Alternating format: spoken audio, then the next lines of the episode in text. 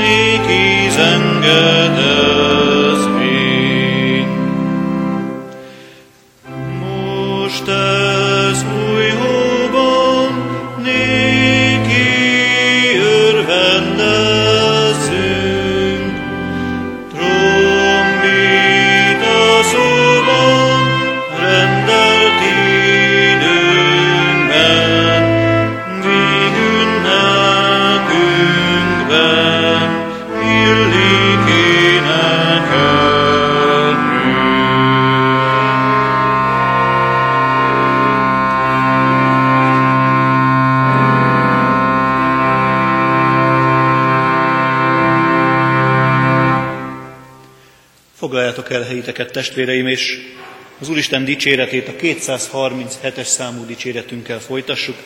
237-es számú dicséretünk első öt verszakát énekeljük. Reménységemben hívlak, Uram Isten!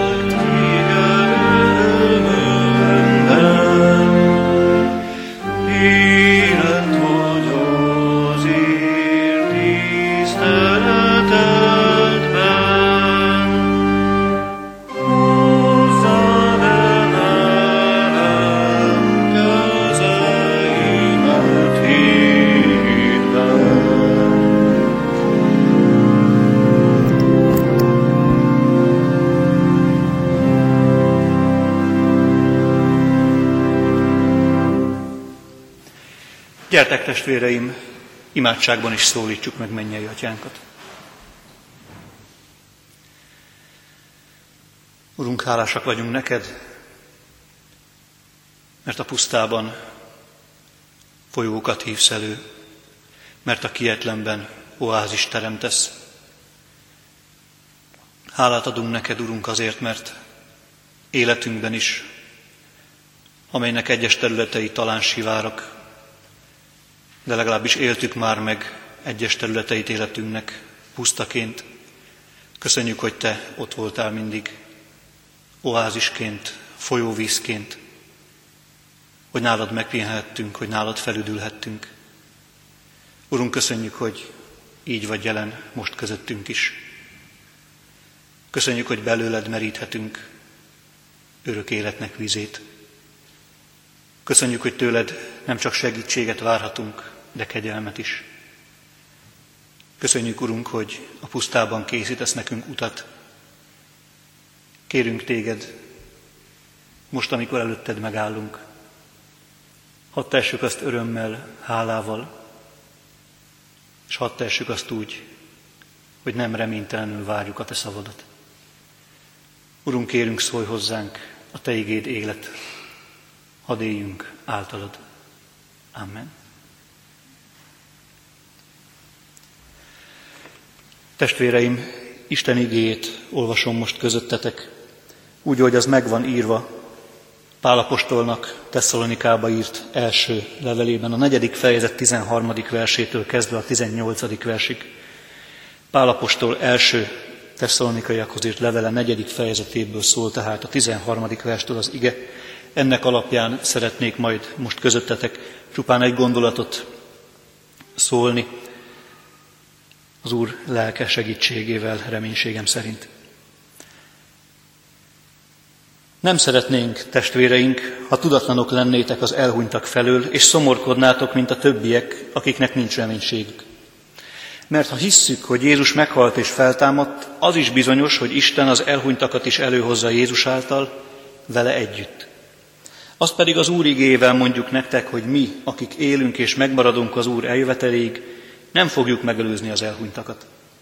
Mert amint felhangzik a riadó hangja, a főangyal szava és az Isten hasnája, maga az Úr fog alászállni a mennyből, és először feltámadnak a Krisztusban elhunytak. Azután mi, akik élünk és megmaradunk, velük együtt elragadtatunk felhőkön az Úr fogadására a levegőbe, és így mindenkor az Úrral leszünk. Vigasztaljátok tehát egymást ezekkel az igékkel. Amen. Foglaljátok el helyiteket, testvéreim!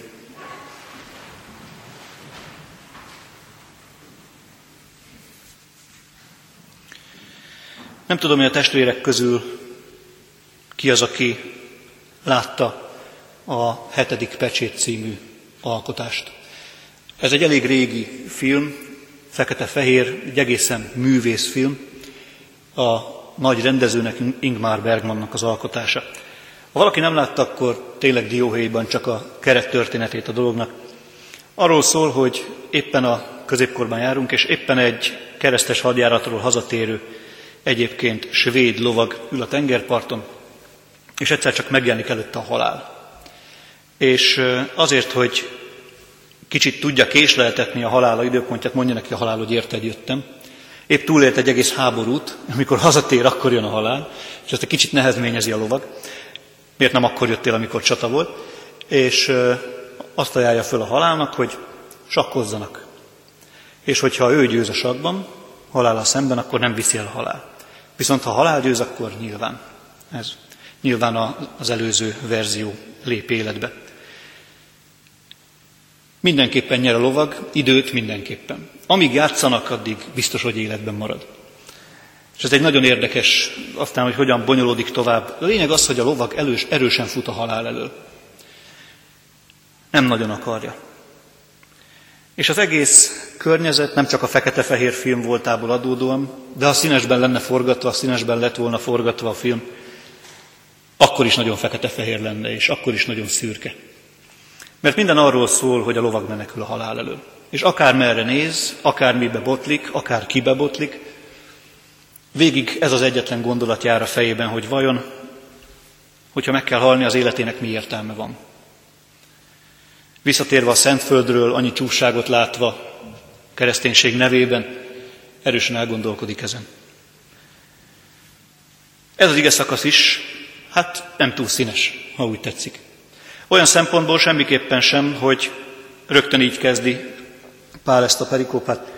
Nem szeretnénk testvéreink, ha tudatlanok lennétek az elhunytak felől. Nem egy kedves téma.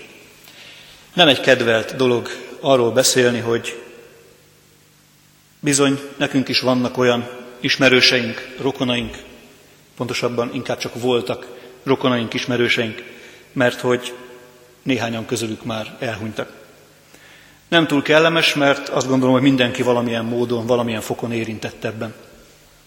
Mindenki ismeri a gyász fogalmát, sőt, nem csak, hogy ismeri a fogalmat, hanem élte is már át, vagy így, vagy úgy.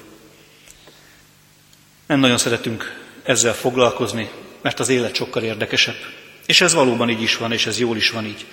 Ami érdekes, hogy az ige mégsem úgy beszél itt elhunytakról és halálról, hogy az, bár elsőre fekete-fehérnek látszik, vagy legalábbis szürkének, hogy az lehangoló lenne.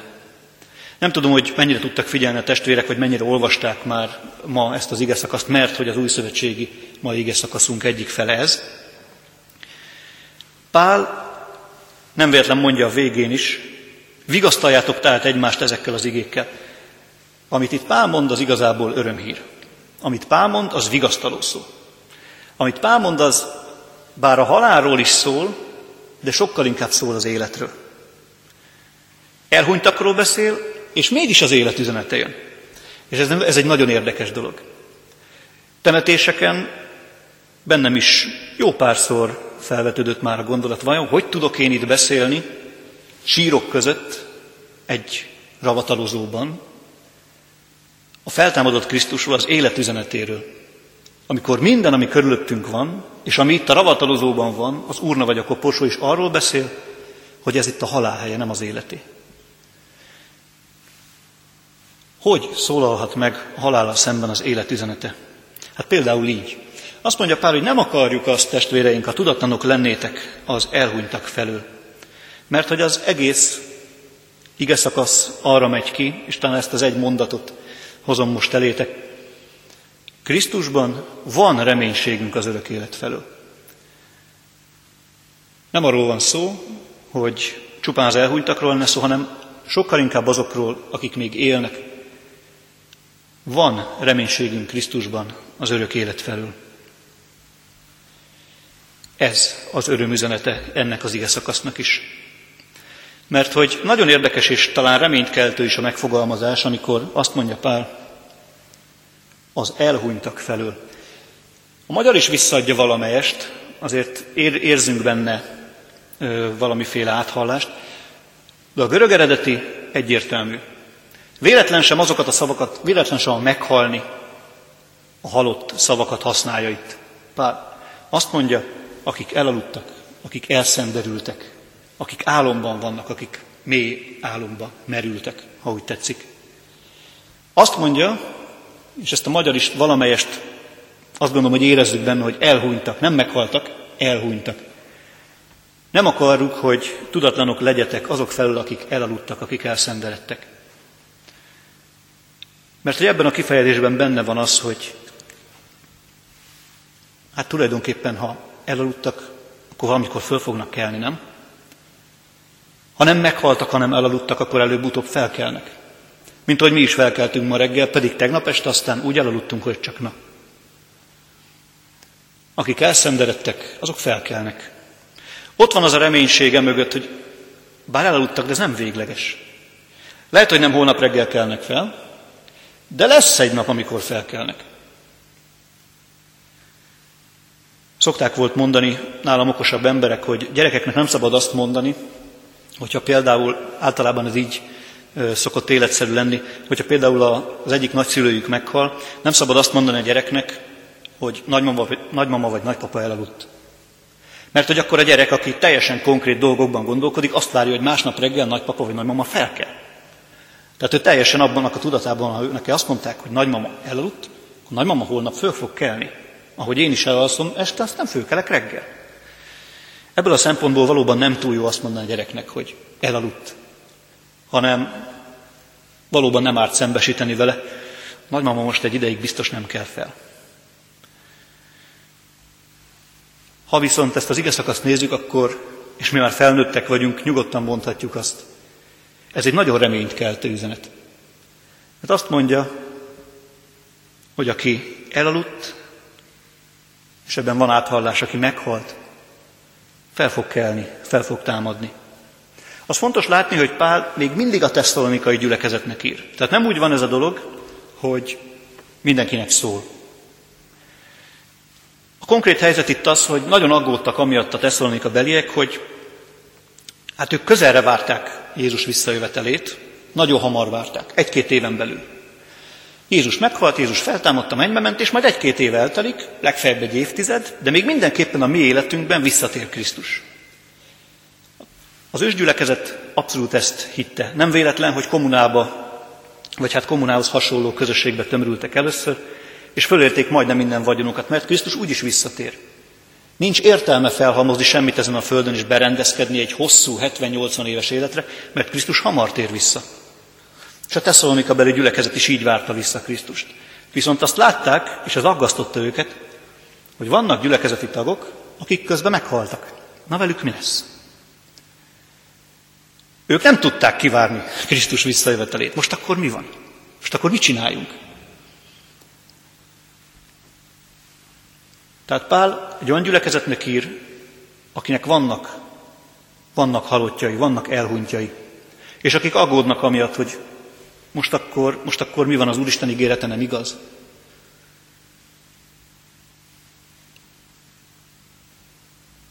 Nekünk is vannak olyan ismerőseink, akik itt a gyülekezet közösségébe jártak, de most már nincsenek itt közöttünk. Mert meghaltak, mert elhunytak, mert elaludtak. Velük mi van? Nem tudom, hogy ti hányszor szoktatok azokra gondolni, akik már nem lehetnek itt közöttünk. Nekem is van egy-két ilyen ismerősöm, még az anyagyülekezetemből becsésről is vannak ilyen ismerőseim. Szeretettel szoktam rájuk gondolni, de egy kicsit szomorú is vagyok, hogy már nincsenek itt. Már nem lehet velük úgy beszélni. De azt mondja az ége, csak egy rövid idő még. Csak egy rövid idő még, és fölkelnek. Csak egy rövid idő még, és Krisztus fel fogja őket támasztani. Micsoda különbség így tekinteni a Krisztusban elhunyt testvéreink halálára és a sajátunkra is akár. Hogy elalszunk, de felébredünk. Hogy meghalunk, de feltámadunk. Micsoda különbség, micsoda reménység ez. Azt a szót is használja itt Pál. Nem szeretnénk, hogyha szomorkodnátok, mint a többiek, akiknek nincs reménységük. Nem szeretnénk, hogyha véglegesnek látnátok az elmúlást. Nem szeretnénk, hogyha azt gondolnátok, hogy az Istennek nincsen hatalma a halálon. Van reménységünk. És a legjobb az egészben az, mert hogy ezt sokfelől hallhatjuk akár, emléke szívünkben örökké él, gyermekeimben élek tovább, unokáim még majd emlékeznek rám, és majd a családom viszi tovább a nevemet, és egyáltalán engem magamat, és bennük élek tovább. Szoktunk ilyeneket hallani. Ezek jól és saját gondolatok. Szeretném, ha így lenne. De ezt, hogy bár meghalunk, de feltámadunk, az Úristen igéje mondja. És ez nagy különbség. Mert szőhetünk sokféle álmot. Ringathatjuk magunkat sokféle illúzióban, élettel, halállal, boldogsággal, nyomorral kapcsolatban.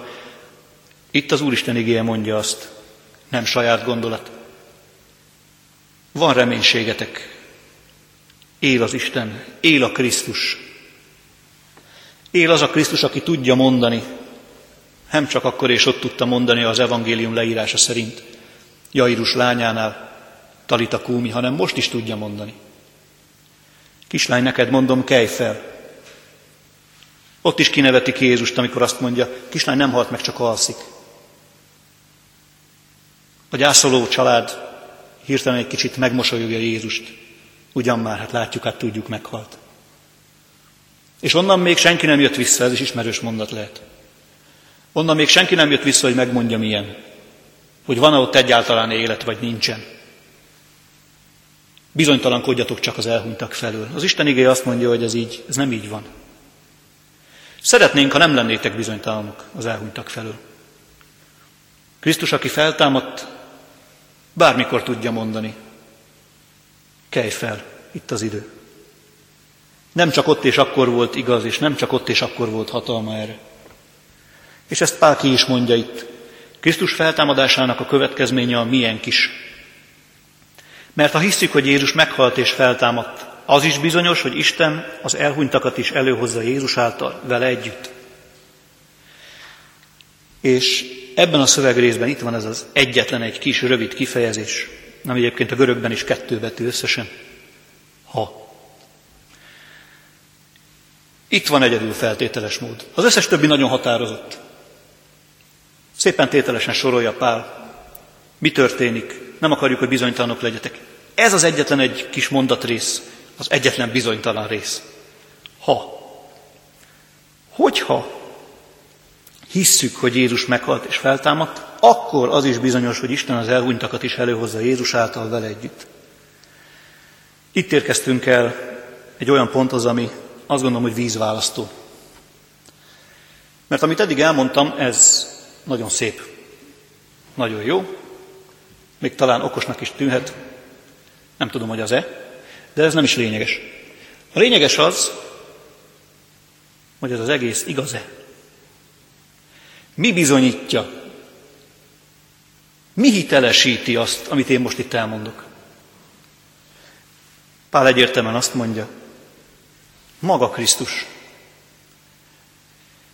Nem egy gondolat, nem egy elv, nem valamiféle szép versike, varázsige, vagy nem tudom micsoda más, maga Krisztus. Azt mondja, hogy ha hisszük, hogy a Krisztus meghalt és feltámadt, akkor hihetjük, hogy minket is feltámaszt. Ha hisszük, hogy Krisztus meghalt és feltámadt.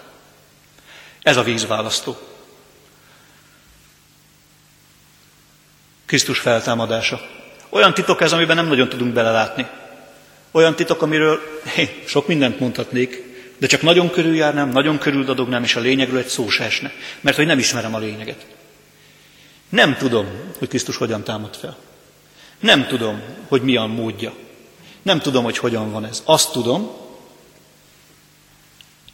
hogy ezt elutasíthatom, vagy elfogadhatom. Azt tudom, hogy elhihetem, vagy elutasíthatom.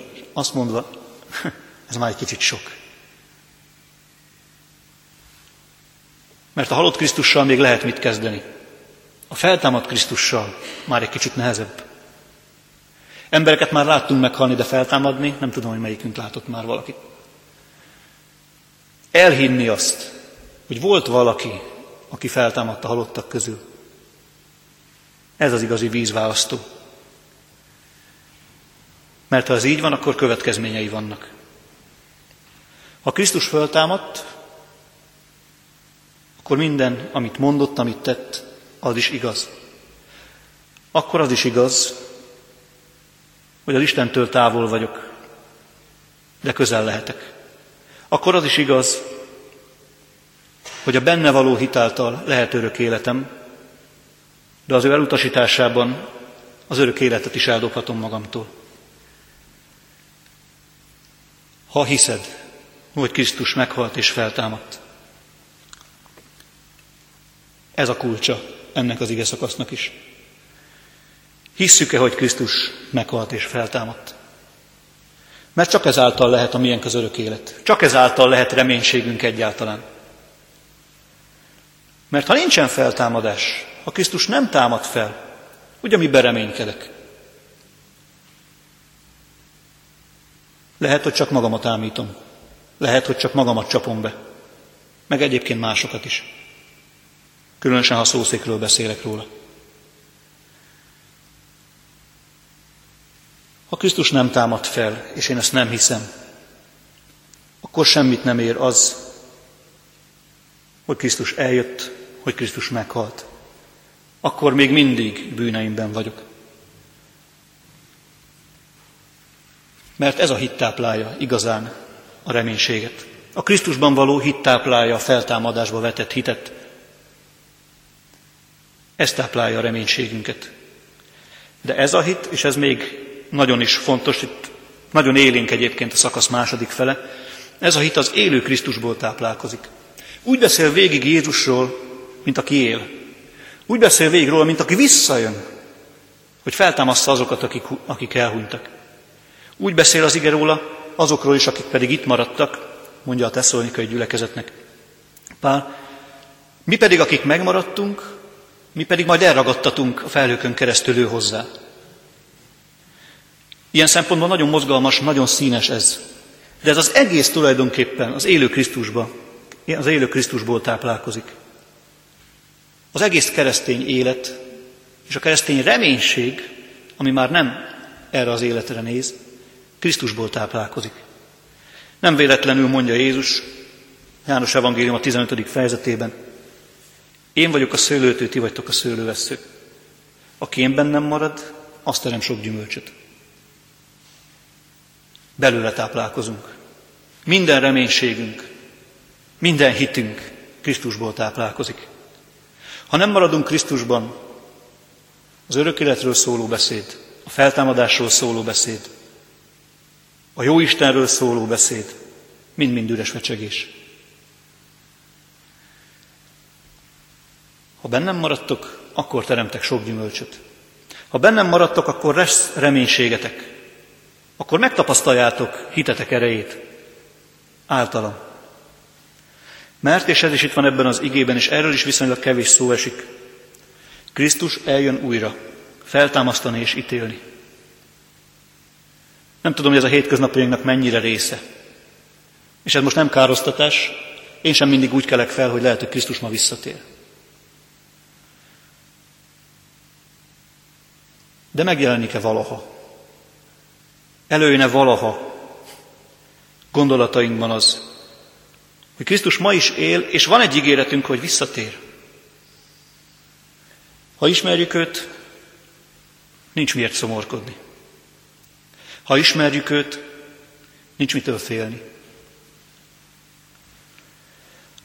Az ige szakasz egyébként olyat nem mond, hogy nem, zár, hogy, hogy nem gyászolhatunk.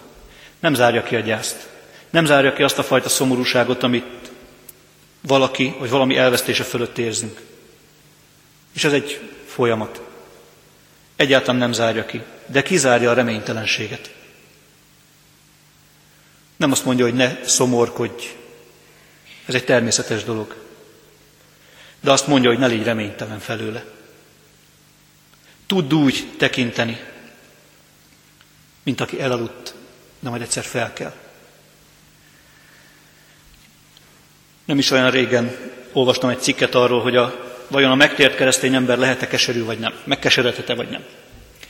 És maga a cikk az arról szólt, hogy hát igenis, meg nem is. Megkeseredhet egy kicsit, igen, lehet keserű, lehet szomorú, de ez a szomorúság, ez a keserűség nem tarthat sokáig, mert hogy nagyobb a reménység, és nagyobb a kegyelem. Nem arról van szó, hogy nem jöhet a gyász, de nagyobb az ígéret és nagyobb a reménység. Nem tartós a keserűség, mert ott van Krisztus, aki a reményt hozza és az örök életet hozza. Krisztus miatt nem lehet tartós. Emlékszem, és ezt az élményemet hadd osszam meg veletek, amikor vecsésen egy kedves ismerősöm hunyt el, 38 éves kétgyermekes családanya, és mindenki döbbenten állt az eset előtt, nem értettük, hogy mi történt, mert ráadásul nagyon hirtelen is történt minden. Gyakorlatilag mire megtudtuk, hogy egyáltalán beteg, addigra már jöttek is és hozták a hírt, hogy meg is halt. És én akkor nagyon elszomorodtam. Pont őt, aki élete teljében van, ott van két kisgyermek, hívő ember szolgál a gyülekezetben, miért pont őt? Miért pont neki kell általam legalábbis én úgy véltem, hogy ideje korán, és, és pont ilyen körülmények között. Miért pont így? Most azt mondom, ma már azt mondom, és egyébként ez valóban nem tartott sokáig eljutni idáig. Én várom azt a napot, amikor újra találkozom vele. Én várom azt a napot, amikor majd a Krisztus visszatér, és engem is, meg őt is feltámaszt, és milyen jó lesz. Én várom azt a napot, amiben reménykedem, erősen reménykedem, hogy Mariannal újra tudunk majd beszélni. Hogy az a fajta hiány, ami, ami, amit ő hagyott hátra, bennem is, bár én csak egy gyülekezeti tag voltam, egy, egy másik, másik keresztény ember, nem a közvetlen családjához tartoztam. Érzem azt, hogy jó lenne. És várom azt a napot, és remélem, hogy, hogy ez a nap el is érkezik, sőt, hogy valóban tudunk majd beszélni. És azt mondja Pál a végén, és én is ezzel szeretném befejezni. Vigasztaljátok egymást ezekkel az igékkel. Vigasztaljátok egymást. Talán nem mindig vagyunk hitünk csúcsán és erőnk teljében. Van, hogy vigasztalni kell minket. Van, hogy vigasztalni kell engem is. És azt mondja Pál, és ezt nem szégyeli, vigasztaljátok egymást ezekkel az, ezekkel az igékkel. Ezekkel az ígéretekkel. Mert ezekben van erő. Mert Krisztusban van erő. Vigasztaljátok azokat, akik kicsit keserűbbek, akik elcsüggednek, akik talán egy picit reményvesztettek is, hogy újra erőre kapjanak, hogy reménységük legyen. Az Úristen feladatot adott nekünk. Sokféle feladatunk van, ez az egyik. Hogy törődjünk azokkal, akik vigasztalásra szorulnak közöttünk. Hogy szóljunk hozzájuk, hogy kérdezzünk, hogy érezzék, hogy jelen vagyunk. Vigasztaljátok egymást ezekkel az igékkel. Tényleg és igazán. És hadd tegyem hozzá, nyugodtan egymást is, akár egymás jelenlétében is az Úristen elé vihetjük. Lehet együtt imádkozni, szabad együtt imádkozni. Szabad otthon csendességben a körülöttünk lévő megszomorodottakat az Úristen elé vinni. Szabad a reménységünkből táplálkozni és a reménységünket továbbadni. Mert, és igazából visszatérnék az eredeti gondolathoz, Krisztusban van az örök élet felől reménységünk. Senki másban benne igen, de benne igen, és hozzá mindenkor mehetünk.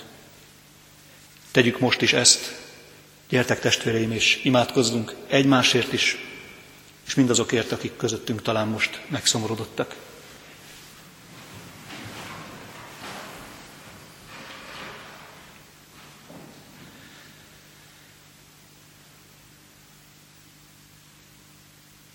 Úrunk Krisztusunk,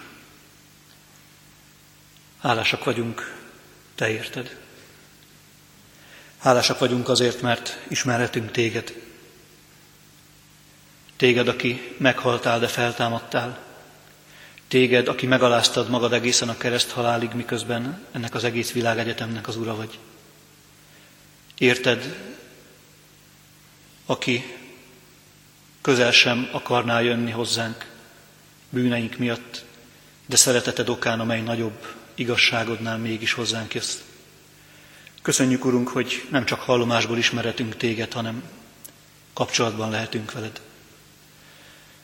Köszönjük az életet adó kapcsolatot, azt, hogy ebből a kapcsolatból reménység származik, a mai napra és a holnapira, sőt, az örökké valóságra. Köszönjük Krisztusunk, hogy te nem csak erre a földi életre, és nem csak ebben a földi életben akartál minket megváltani, hanem az örök életre. Urunk, így ezzel a reménységgel gondolunk most azokra, akik közöttünk elhunytak már. Így visszük eléd azokat a szeretteinket, azokat a testvéreinket, akiket jól ismertünk, akiket szerettünk, de akik elaludtak.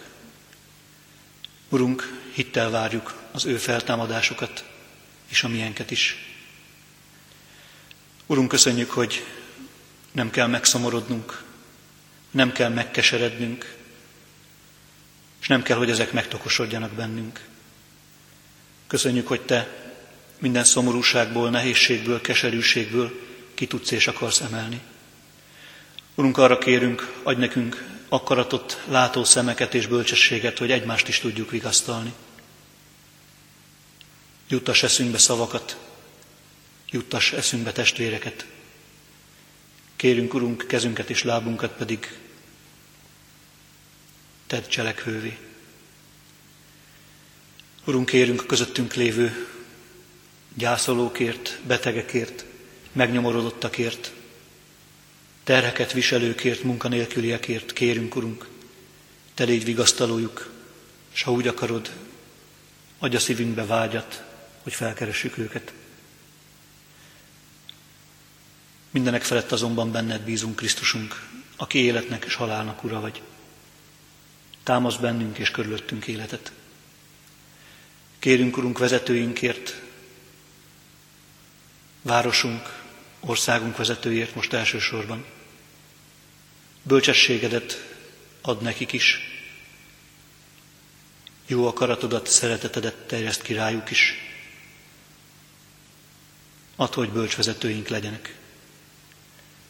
Kérünk téged, most pedig hallgassd meg minden imádságunkat, amelyet szívünk csendjéből, de annál őszintébben és valóságosabban viszünk most eléd. Urunk, kérünk, fogad szeretettel és kedvesen azt az imádságot is, amelyet közösen mondunk el most neked. Mi atyánk, aki a mennyekben vagy, szenteltessék meg a te neved. Jöjjön el a te országod, legyen meg a te akaratod, amint a mennyben, úgy itt a földön is. Ami mindennapi kenyerünket add meg nekünk ma, és bocsáss meg védkeinket, miképpen mi is megbocsátunk az ellenünk védkezőknek. És ne vigy minket kísértésbe, de szabadíts meg minket a gonosztól, mert tied az ország, a hatalom és a dicsőség mindörökké. Amen. Testvéreim, hirdetem számotokra az adakozás lehetőségét, mint ami életünk Isten tiszteletének része. Kérlek benneteket, hogy jó kedvel és örömmel ajánljátok fel ajándékaitokat, adományaitokat az Úristennek, hiszen tudjuk, hogy a jókedvű adakozót szereti az Isten. Most pedig kérjük együtt az Úr áldását. Testvéreim, az Istennek békessége, amely minden értelmet felülhalad, meg fogja őrizni szíveiteket és gondolataitokat a Krisztus Jézusban. Amen. Isten tiszteltünk végén pedig egy talán nem túl szokványos, általában temetésen énekelt, de annál pozitívabb üzenetű éneket, a 416-os számú dicséretünket énekeljük, mind a három verszakát. Krisztus én életemnek, te vagy reménysége. thank you